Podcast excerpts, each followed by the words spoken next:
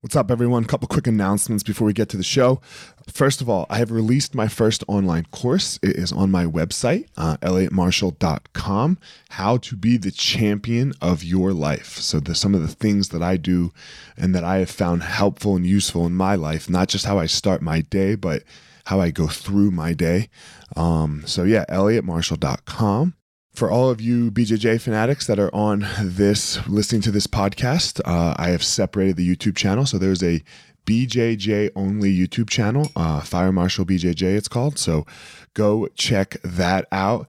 Lastly, my audiobook, my book has been released on Audible. So, The Gospel of Fire, it was only on paperback, but now it is out on Audible. So, audible.com, The Gospel of Fire, you will find the audiobook for you audio listeners like me. I do not enjoy reading actual books that much, but I love listening to them. So, uh, audible.com, The Gospel of Fire. So, three things the book, the YouTube, and the course. Go check them out. I'm always here. Whatever you need, hit me up. Fire Marshal 205 on Instagram. Talk to everyone soon.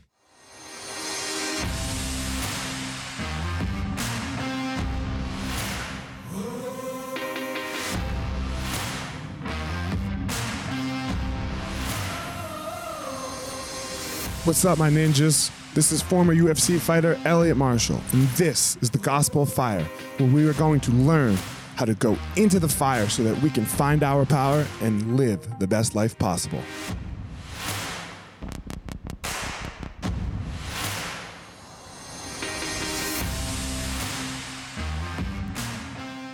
What's up, guys? How you doing? This episode of the podcast is with Geoff Woods. Geoff is an executive for the company The One Thing, and they believe that there is one thing that you have to get done every day. That there is one most important thing that you need to get done every day so that you will lead an amazing life. So um, I had a great man. It, it, blew my mind a little bit. I loved it. So um, I am super excited for you to hear it and listen to it and give me some feedback on what you think. So um, if you like the episode, leave a comment, leave a review. You know how it is. You know where it is.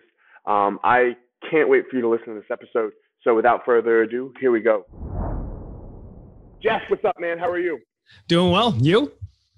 We just found out we're like you know from the same city, but I'm not there right now. There you go. It's where all the cool people live. Yeah, uh, for sure. It's, it's Texas and Denver now, right? Like you either moved to Denver or Austin. Like and I just moved from Austin to Denver. Uh, I was just about to ask you. You're from here, okay? So you were in Austin, moved to Denver. What made you move to Denver, man? Pandemic created a lot of opportunities, and when COVID hit, we work with a lot of companies. And I just kept hearing owners because I would ask them, what do you think the future of work is going to look like? And they consistently said, I think it's going to be more virtually based, physically enhanced. I think some people will do all or nothing, but I think most people are going to land on a hybrid that is more virtually based. And I remember sitting down with my partners and saying, you know, if that's the future of work and we teach companies how to be productive, shouldn't we be one of those companies so we actually have authority moving forward? And they said, that's a really good point. And my wife and I had already had a trip to Denver booked. It was in two weeks from that conversation because we were going to scout. Um, we our goal was to scout one mountain location a year to figure out where we would eventually want to call home. And you know, instead of it being a let's scout a mountain community, it became a let's go buy a house trip, which is exactly what we did. All right. So it was just that simple.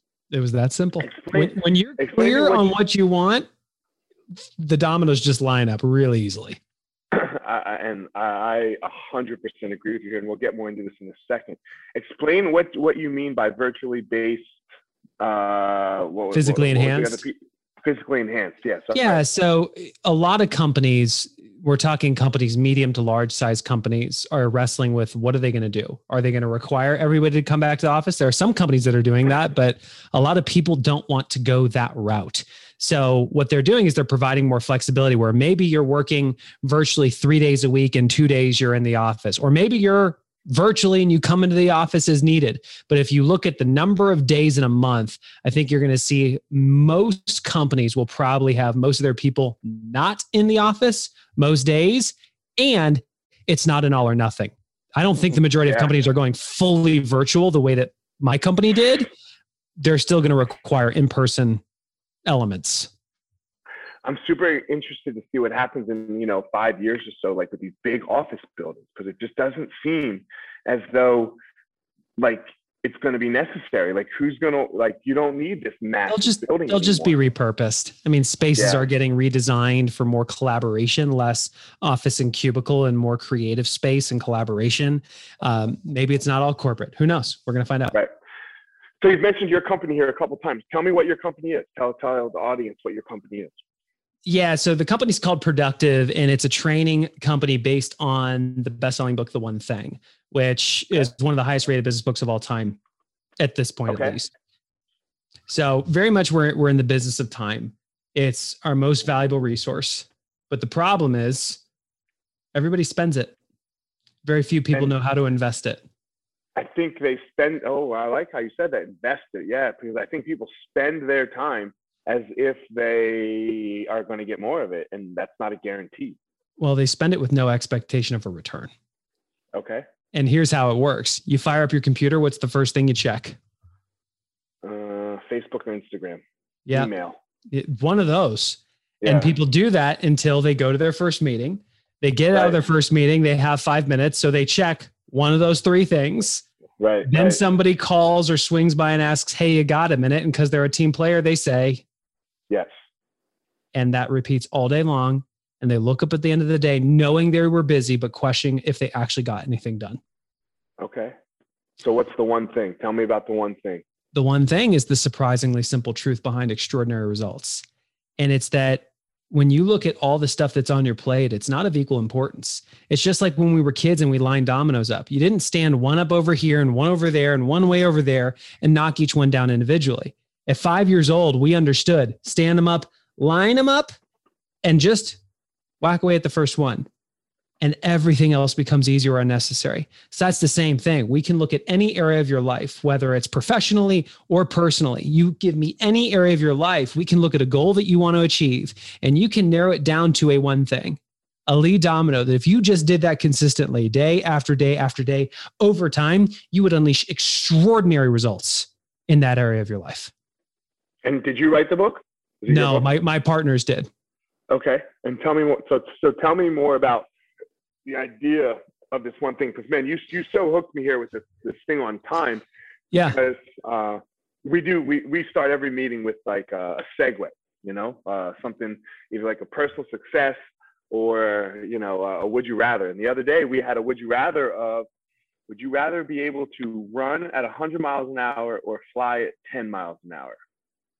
And for me, I was like, yo, look, I want to run at 100 because if I can run at 100, that means I can run a little bit slower than that as well. I'll play in the NFL, be the best running back of all time, win a gold medal.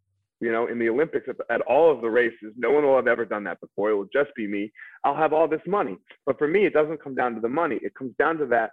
Um, I want to travel a lot. I like I like to travel, and god damn, the airport is a waste of time. And I don't have enough money right now to fly private. Who you know, not many do. Um, but private is so much less time. You know, like it would be baller. And I don't uh, look. Give me the amenities of coach other than the large seat. I don't. You don't need to feed me. I, I don't need a a, an, um, a steward there to nothing. I don't need any of that. Put the drinks up front and just let me get there faster and not have to wait four hours on each end. Yeah, I get it. Where this came from. So, um, are you familiar with Keller Williams by chance, the real estate company? Real estate company, yeah. Yeah. So, Gary Keller is my partner. So, Okay, this is how he built Keller Williams from a small little Okay. company in Austin to number one in the world with 200,000 plus people. Right. For him, he believed that working long hours, that hustling and grinding was the key to success until his life was falling apart. Literally, he was having major health issues and he had to fundamentally change the way that he viewed time. And he stopped being the first one in, the last one out. He stopped just hustling and grinding. And he realized what it came down to was if you do the most important thing, everything else is everything else. And so he started to live this himself. He started to coach this with his leaders that they would always have clarity on what is the most important thing. I know there's a lot of stuff on your plate, and I know you're going to do more than one thing. We all have more than one thing. And if you could only do one thing, what's the one thing you can do today? Such that Does by doing it, everything else will be easier or unnecessary Does the one thing ever change? all the time. Depends on the person. Okay. A salesperson's one thing is pretty consistent. Prospect, sell. Right. Yeah, exactly. A writer's one thing, pretty consistent. Write. I'm an executive. My one thing changes on a daily basis. There's a lot of things that are going on inside our organization, but I'm always clear what is the most important thing that I can do today. So what's the most important thing you could do today? I already did it. It was a sales call. Okay. So you're done. I'm, I- I've knocked that domino down. But here's here's the crazy thing. One, if we ask the average person, "What's your one thing today?" they wouldn't know. And by the way, there's no judgment. It's a big question Right. because we've never been taught to think this way. Second, even if they have clarity on it, if we open up their digital calendar, it's probably filled with a bunch of meetings and random to-dos. Their calendar does not actually reflect their priority. And what do they follow? the calendar. their calendar. So they follow a calendar that inherently sets them up to do the things that do not deliver the highest impact. I'm trying to digest here. I know it's a it's a big concept. It's, big, simple it and it's like sim- yeah, yeah. That's how you know it's good. It's because it's simple, but it's not easy. it's know, it's how- simple and it's like you're holding up a mirror and you're going, "Oh, snap." Right, right. So tomorrow, do you know what your one thing is tomorrow? Let me look. Oh, so you have this shit written down. oh, my friend. I can tell you what my top, let's look for this week. I can tell you what my top six priorities are for the week, and I can draw a straight line to how knocking those six dominoes down automatically puts me on track for the most important goals this month, which automatically put me on track for the most important goals for the year, which automatically put me on track for owning my piece of the business plan, which puts me on track for a 10 year vision for our organization and my life. Digest like that. this. Yeah, no, I like this. I have okay. So I, I mean, I follow a similar pattern, but I get lost in the minutia a lot, right? Um, uh, of to dos, right? Of having something to do, where like I have my ten years, like I, I like what I want in ten years is I have that shit laid out. It's on my board. I look at it every day. Um, I know what I have to do in five years to get to ten. I know what I have to do in three to get to five, and I know what I got to do in one to get to three. And I know what my rocks are, you know, like my quarter. What do I have to get done this quarter? And I know what my to dos are for a day. But there's a lot of them. Here's the problem. Yeah, a me. lot of people who set goals have set goals for the f- distant future to the year, maybe down to Mhm. 90 days. But here's the problem. If you ask them what belongs on their calendar this week or even today, they don't know. They don't know Right. how to bridge that gap. We do that. Explain the process to me a little bit because this, I mean, this is gold, right? And I know you can't explain the whole process, you know, Well, first, in 10 minutes, but first we have to fly up to 10,000 feet. What do you think the purpose of a goal is? the purpose of a goal is to get you something in your life that you want to, to satisfy a need that you have. most, most people answer with something similar to that, something along the lines of to achieve a result. That's what I thought until my partner Gary taught me differently. He said that's wrong. He said the purpose of a goal is actually to be appropriate in the moment. Your goal is a compass that tells you if the actions you are taking today are in the right direction or not. Explain more. It's not about the result, it's about the destination. It's about the journey you go on. The journey.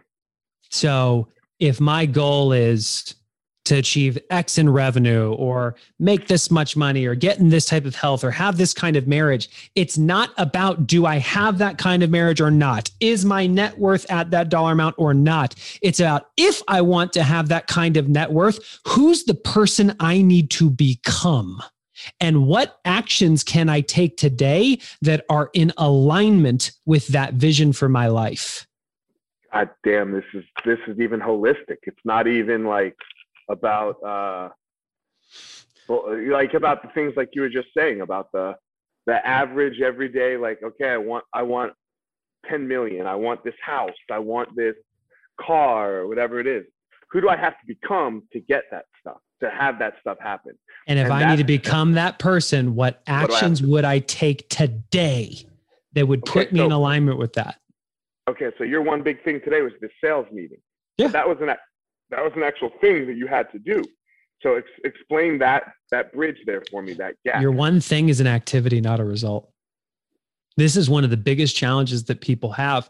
They know the results they need to achieve, but if you ask them, what do you need to do to make that happen? They will look at you and sometimes say, I don't know. Okay, Okay. so my question, God, you, I have so many questions for you right now. Sorry.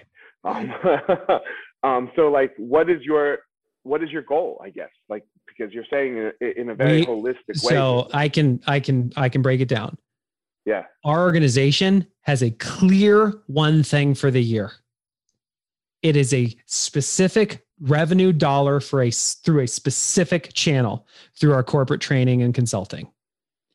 In order for that to happen, my piece of that plan, I'm the person who owns growth. So my one thing for the year as an organization is 250 hours of lead generation that will drive a very specific dollar amount in revenue.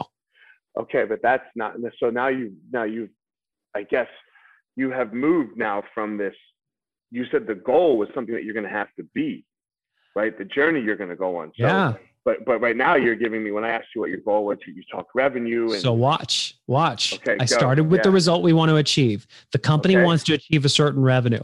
I'm in charge of revenue. I'm in charge of Okay. driving growth. So my one thing for the year is not the dollar amount, it's the activity. 250 hours of lead generation that will drive that revenue number. Now, if we work it I can work it down to I know I need to do 30 hours this month, which means I know I need to do 8 hours this week. Who's the person I need to become? I need to become the type of person who has consistent lead generation time blocks on my calendar that I protect. It's not about, it's less about did you get eight hours or not. That is a product of being the type of person that when I look at my calendar, I make sure that there is time blocked and protected for me to do those activities that will drive those results. What about like your health and wellness and all of that as well Like, how Perfect. do you yes I know that 20 years from now, I have a vision for what I want my health to look like. And I've reversed engineered that back to this year. And I know that I need to exercise 250 times this year to the point that I can tell you I need to exercise 20 times this month. And I can tell you I need to exercise four times this week. I have dialed it all the way back. What wealth? I have a very specific, I can tell you right here. Um, my wealth goal for this year is to grow my net worth by 75%. And I know exactly what I need to do to make that happen.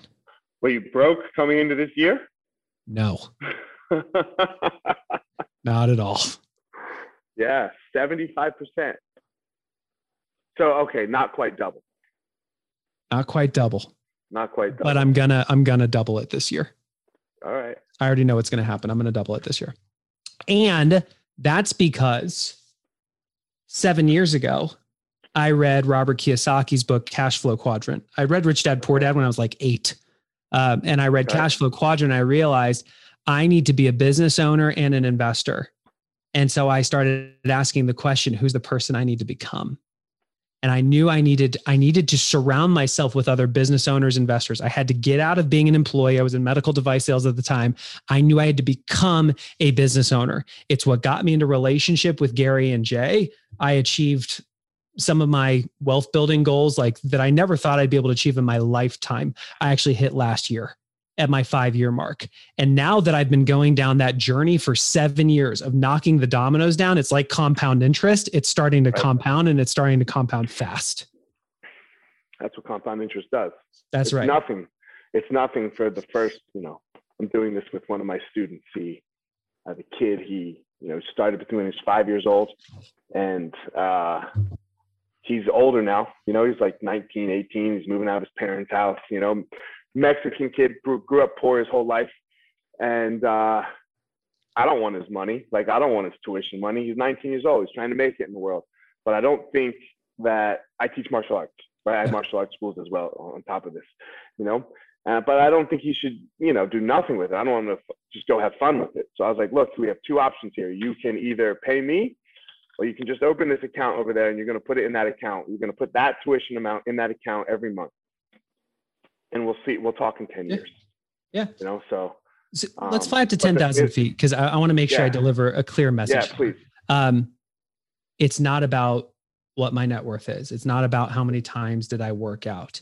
It's not about how many hours am I going to lead generate. I'm just giving you specific examples that are relevant to me.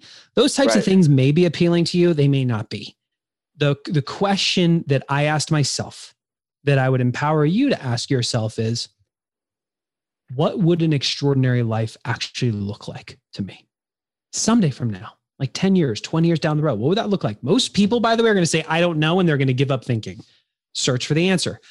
I've done that work and I've gotten clarity around what does family look like? What does health look like? What does an amazing career look like? What does amazing wealth look like? What does amazing spirituality look like? And I've been able to reverse engineer that back to the point that I can set some very clear goals that I want to happen this year. And I know that I have to become the type of person who does the activities on a consistent basis that allows me to earn the right to achieve those goals. And I track it every week, and my calendar reflects those priorities. This is kind of the model and the system behind the one thing. Did you have something happen that made you like, Yes. Okay, I was What in medical device sales. It was an amazing job. I woke up every day running through hospitals selling a device that actually saved lives. And because I got to wear scrubs every day, I tried to get my wife to call me McDreamy. And she's called you, fantastic. call you what? McDreamy. You ever watch Grey's Anatomy? No. Okay, well, let's put it this way. Some of your people just chuckled. but even though I was in a great job with a really great lifestyle, I was lacking fulfillment. Growth is my number one core value, and I felt like I was meant for more. I felt like I was not growing the way I needed to be growing. Problem was, I had these very comfortable golden handcuffs on, and I did not want to take them off. Then uh, my colleague has a stroke at age 35. And at the time, my wife and I had just bought a house in Orange County and just had our first child, and she quit her job to become a stay at home mom. And I am realizing, oh, snap. If what happened to my colleague had happened to me, what happens to my family? And this is when I'm reading Cash Flow Quadrant, realizing I'm in the employee column. I'm not actually a business owner or a true investor yet. And the entire last chapter was dedicated to mentors. And I heard the Jim Rohn quote You're the average of the five people you spend the most time with. Looked at my five, saw the names of five amazing friends, and realized I had five amazing friends, but I had zero amazing mentors. Nobody who was actually where I wanted to be, who could actually advise me on the best way to get there as fast as possible. That became my one thing at the time surround myself with the right people. I started a podcast about it called The Mentee, where I was a mentee recording conversations with private mentors. And then it was our national sales meeting. Jay Papasan, who co authored the one thing with Gary, was the speaker. And when he came off stage, I cornered him. I had no idea that he and Gary had been hunting for a CEO for this company, but I ended up being the right fit. And so I quit a very lucrative W 2 job to become an entrepreneur, but with the mentorship of a multimillionaire and a billionaire. And I just took their models and systems and was a sponge and started living it. And now I'm in the position where not only has it changed my life, but we've changed the lives of millions of people. And we take this into organizations across the globe. And it helps people achieve more by focusing on the things that matter most, period. It's interesting how everybody has something that like this shift that you've made, you know, like, It's always like a defining moment. something happen to me. Yeah, there's something that happens to you where you're just like, God damn, you know, what was the well, tell tell my tell tell the audience like uh because it wasn't that pretty you know? Like like it, it's ne- like the shift is never pretty. Like you you wrap you know it, that was a, that was a good story. But what was like what was the dark time of that shift like? What what did what were you feeling at the time like what was what were your fears and your nights and like you know Um, it's it hard to was go ahead not only did my colleague have a stroke, but my company slashed my income by 40%. And I had made a mistake. which is the mistake of allowing your lifestyle to rise as your income level rises. This is a mistake probably most people listening to this have made or are making currently. And when my income went down, my lifestyle did not just auto correct. I told myself the story, oh, it'll get better next month, but it didn't. And I told myself that story every month for months. And it was at the point where we are literally almost out of money, like bank account almost at zero. And I'm just going to tell you a mortgage in Orange, in Orange County, California is not cheap. And I am, as a provider, it rocks me to my core because I'm literally staring at my wife and my baby girl, wondering how am I going to put food on the table? What was the mortgage? Oh, it was over three grand a month. Yeah. The big mortgage. yeah. Yeah. It's a big And mortgage. um, that's when I realized I had to take control. That's when I had to venture into the world of entrepreneurship and to scale our lifestyle back, to hold down a full time job with a newborn, getting no sleep while also starting a company on the side. It was hard. I mean, I was up early in the morning, I'm up late at night. I was working my tail off, and it was not doing wonders for my marriage. I mean, transparently, it wasn't until about 18 months ago that we finally actually started making the kind of money that we really needed to be able to make for us to not feel this pressure when it came to money.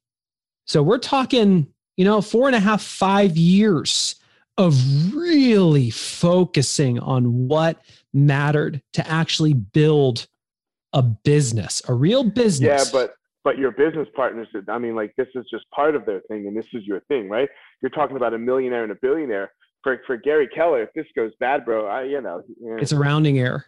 whatever. Around, it's a rounding error. Yeah. Yeah. um, and it's been life changing for my family for because of explain, what we've built. explain that. Yeah, explain that. Well, first and foremost, in terms of what it's done to teach me how to think, how I think now. Five and a half years ago, I was an employee. I had never run a company. Five and now, fast forward to where we are today, I advise Fortune 500 executives.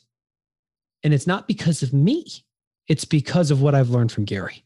He has models and systems for everything. And look at what he's built. I have been living those for five and a half years to the point that I've earned the right to now take these to other businesses and help them live them. And what that has done in terms of um, my identity. I used to be a business a businessman with a family.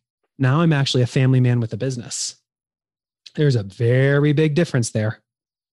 And just from a wealth building standpoint, it's been what I believe we can achieve now is not even something I thought was in the realm of possibilities five and a half years ago. Yeah, it's very interesting. Uh, you touched on this thing identity here for a second. Uh, this is one of my big things. Is like you have to know who you are. Mm. It, like uh, I work with fighters as well, um, and for a fighter, for example, uh, if your identity is wrapped up, it's all wrapped up. It can be partly wrapped up, but if it's all wrapped up in this cage, then it's result you're going to have. This this this has a lot more importance than just winning and losing some stupid fucking barely legal fight on a Saturday night, right? Like it, it's going to crush your world. Yeah. But if we can start to separate the two, now we're talking. So this identity piece, and you've kind of been talking about it the whole time. Uh, who will I have to be? Who will I have to become to make this happen? Mhm. Right? This this is all identity. Everything you've been talking about here is identity. Um, I work with a coach, and he goes, "Who do you gonna? Who do you? Who do you want to be?" You know, and he did. He almost broke it down exactly how you broke it down: family, socially, vocationally, financially, physically. Uh, there's two more because there's seven aspects of life, you know, um, and I can't remember what the other ones are. Uh, what are you gonna have to do, you know, and uh, what uh, what will you? So that's the uh, altruism. What are you gonna have to give to the Mhm. world, and what will you get? You know, what will- what what will come back to you, and that's the that's the narcissism, and they they have to balance. So, but everything you've been talking about is this identity piece. Yeah. Who do you have to become? I mean, I remember Jay and I were talking and he asked me a question. He said, How often do you think Gary achieves his goals? And I said, Probably a lot. And he said, Actually, never. And I asked why.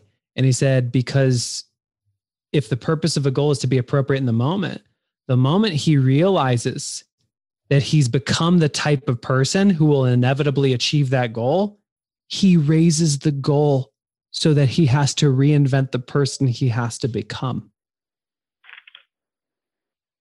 Yeah, true vision is unattainable. Swallow that one. Yeah, that's yeah, because most most of us have this ego wrapped up in this, like, okay, I've made it. Kind of like what you were talking about for yourself, and explain to me how you got out of this. Of like, mm-hmm. you know, mm-hmm. everyone does it. Everyone goes, okay, I I make forty thousand dollars a month. I spend forty two, right? Because we can put it on credit now. Correct. Right? Yes. Yeah. Like it's not even that you spend forty.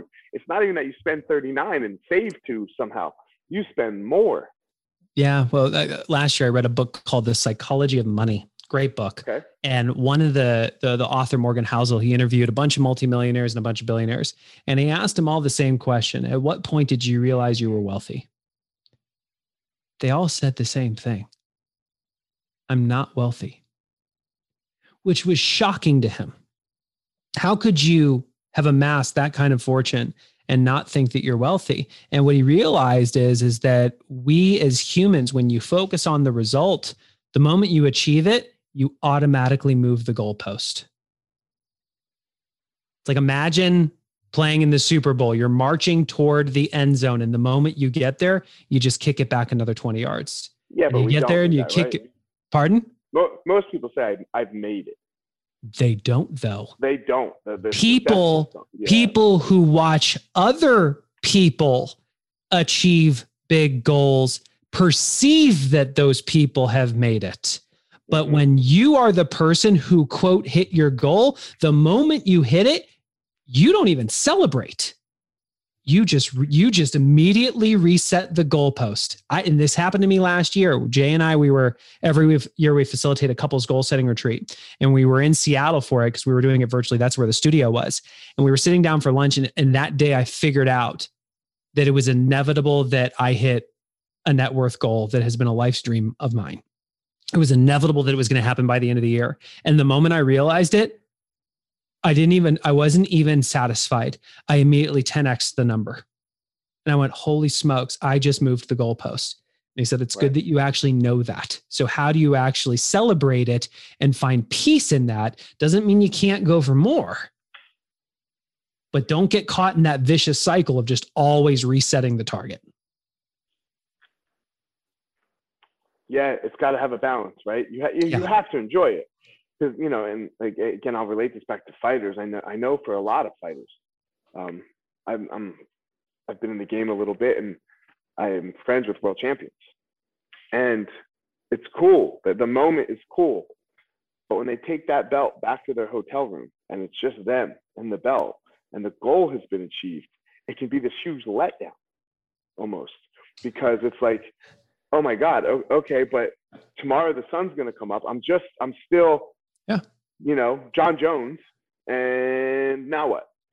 There was a study that was done that actually focused on um, what we actually value more the anticipation of a result or the result itself. And what they found is the way our brains are wired is that it's actually the anticipation of the result that brings the most value to us than the actual experience of getting the result yeah, you can you can you can touch that anywhere, even even yep. physically, right? Like so there's something I need to clarify because on one end yeah. I've said it's not about achieving the result, it's about being appropriate in the moment. And on yeah. the other hand, here I am saying don't move the goalpost. The purpose of a goal is to be appropriate in the moment. It's about how do I constantly raise the goal so that I become a better version of myself? That's about becoming an identity. Not moving the goalpost is about your satisfaction and your sense of accomplishment. You can continue to raise the goal if it serves you to become a better version of yourself. And you should be celebrating the heck out of the fact that you've become who you've become along the way. You should not hold your satisfaction hostage to you achieving that next target. They both can be true. They both can happen. Both can be true. It, you know, we do this so often in, in our lives, in the world, our politics, right? It's it's either or. You either you are either or a Democrat or a Republican. You have to be all the way over right or all the way over left, and this is just such a mistake. Agreed. Um, man, so as we start to close here with with the conversation, um, I still have a couple questions, and one of them is this: you doing this, right? You coming, you coming and talking to me because look, Mhm. I'm just some dude. I, I don't have this massive audience, right? Like I'm not like if Tim Ferriss hits you up, then yeah, for sure, uh, you're you're doing it, right? Uh, Rogan, any of the, any of these massive podcasts. Uh, what what makes this part of your goal that you're doing? Like why why are you why why are you sitting here talking to me? We have to fly up to 10,000 feet. Okay. If I asked you what a job description is, what would you say? What my job description is, or what, What- a normal what's the definition of a job description, or how would you describe a job description? Something for most people, I would say it is something that you do uh, for work that you get paid for. Yeah. Uh, and you are going to have to deliver certain results based on that job, job description. Great answer. You know, most people, when they think of it, they think of all the things you have to do for your job to keep your job, right? Um, we view it very differently. We say a job description is the two to three things a person has to do exceptionally well or they're fired. It automatically forces you to stop looking at everything and identify the most important things. It's the 80 20 rule 80% of your results come from 20% of your activities. So, what's your 20%? Here's why I'm sharing this my 20% for my role this year one, drive growth, two, be an ambassador of the brand, and three, surround myself with extraordinary people. Growth, ambassador, people. Doing this is part of being an ambassador. I have clear metrics for how many stages will I speak on? How many podcasts will I do? Because those are the activities that, if I do them, would result in me being an ambassador of the brand, which means I am doing my job. And you're not concerned with like the level of podcast, obviously. No, I mean, yes and no. But here's the reality I'm just trying to talk about this Yeah. because like so many people are like, oh, that won't that that, that guy's below me or that guy's a okay. I, I don't know, view like- it that way. I don't view it Okay. that way because pre pandemic, I would get on a plane and fly across the country to speak to a room of 10 people. Granted, you get paid to do that, but that's 10 people. Right. You, you look at a podcast, even it's, if it's 50 people, 100 people, 200 people, it's a lot of You're, and people. you're in your yeah. And you're you're in your house right now. Yeah. yeah. sure. So Makes we, sense. Yeah. we, we say yes. Got it. No, I mean, look, uh, there's some things that you've definitely made me really think about. And sure, I say, yeah, I try to say, I try to detach the what it will do for me so much from the what it will do as a whole, you know. And and, and this is this is a game that we are that we're stuck in, you know, that that so many of us are stuck in. You know, even even with times of COVID, right? You're you're seeing it with COVID. It's my freedoms are your my life. And, and Yeah. you're seeing this dichotomy being played out over and over and over again. And I, I just am not seeing it so clearly as that dichotomy. Yeah, I, I totally get what you're where you're coming from. And again, if I didn't have my partners, if I hadn't surrounded myself with who I had surrounded myself with, I would have pursued my path entrepreneurially, meaning the best that I could have done it based on my knowledge. But that carries a very low ceiling of achievement because the best you can do is irrelevant. What matters is what's the best that can be done.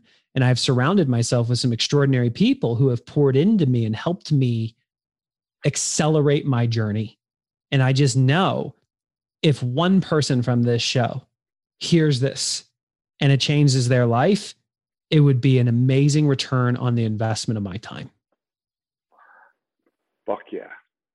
That's that's that's what it is, right? If if one person everyone wants this huge ROI, and you talked about ROI earlier, right? I don't remember how we talked about it. Wh- When when did you how did you bring it up? People spend their people spend their time, they don't invest it. Yeah, yeah. So I mean,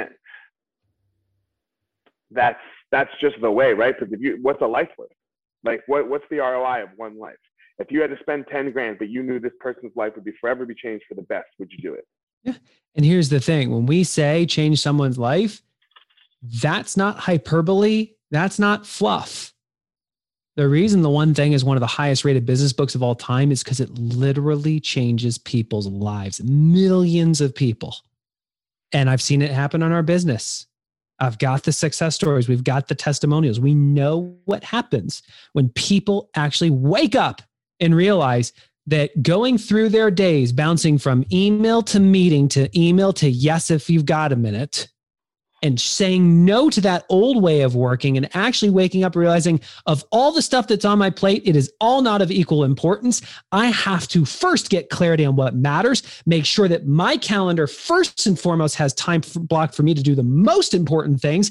Everything else can flow around that. And no i am not going to work long hours and cheat myself out of what it means to live a life. I'm going to shut it down at a pre-prescribed time and actually go and live an extraordinary life outside of my job we change people's lives. You fucking love it.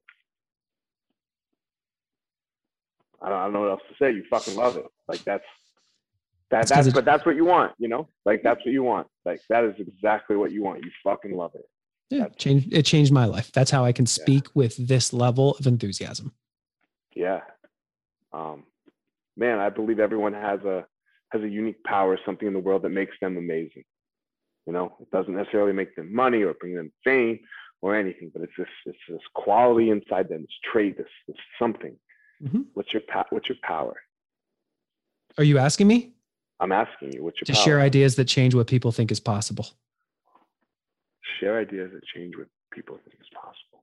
That's why I say yes to doing these, because I happen to be a decent speaker and I can share ideas that change what people think is possible. I've been watching it on your face this whole time. Every time I said something where you sat back and you you looked up to the ceiling, I mm-hmm. watched your mind expand. In those moments, I know I'm living my purpose. Yeah, so I happen to get paid to do it. Yeah. I like it. I like it, Geoff. Tell everyone where they can reach you, man. I appreciate you coming on. Yeah, sure. First, uh, if you just Google Geoff Woods, and that's Geoff with the G, G E O F F, I am the first one that pops up. So you can find me on LinkedIn there. You can always direct message me there. Um, our website is the one thing.com. That's with the number one. So the number one thing.com. There you can learn how you can grow yourself, how you can grow your business, all the stuff that we do. And the podcast is called The One Thing, as well as the book. And it, that's all spelled out the O N E T H I N G. Subscribe to the podcast. We have an episode that comes out every week. All right. Thanks so much for coming on. Guys, as always, Geoff has his unique and his own power. I have my unique and own power. Don't go out in the world and try to be Geoff. And don't go out in the world and try to be me. Go out there and find your power. All right, everyone, thanks for listening to this episode of The Gospel of Fire. If you enjoyed the episode, I'd love a review on iTunes or wherever you are listening to this podcast. Don't forget to follow me on social media at Fire Marshall 205 if you are a BJJ enthusiast, check out my YouTube channel. I put all kinds of instructional DVD uh, videos out on there, so go check it out.